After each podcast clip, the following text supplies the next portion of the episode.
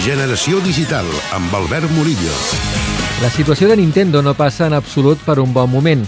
Aquesta empresa centenària, que a finals del segle XIX es dedicava a fer jocs de cartes, acaba de presentar els números del seu últim any.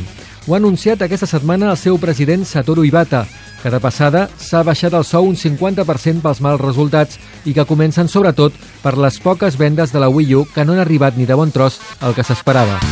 Els plans de l'empresa nipona, a curt termini, són els de rellençar la nova consola de sobretaula amb la sortida del Mario Kart 8, cosa que demostra que confien amb el que una empresa de videojocs ha de confiar, amb els seus jocs.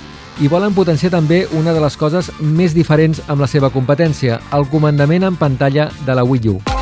Encara que les dades en vendes de la seva consola portàtil, la 3DS, tampoc han anat com esperaven, la veritat és que els funciona de millor forma. En aquest sentit, un dels rumors que es va convertir en fum després de la seva presentació és el que deia que Nintendo es convertiria per primera vegada en desenvolupador de jocs per plataformes com Android o Apple. Iwata va confirmar que això no passaria, però que utilitzarien els dispositius mòbils per aconseguir més comunicació amb els usuaris dels seus jocs.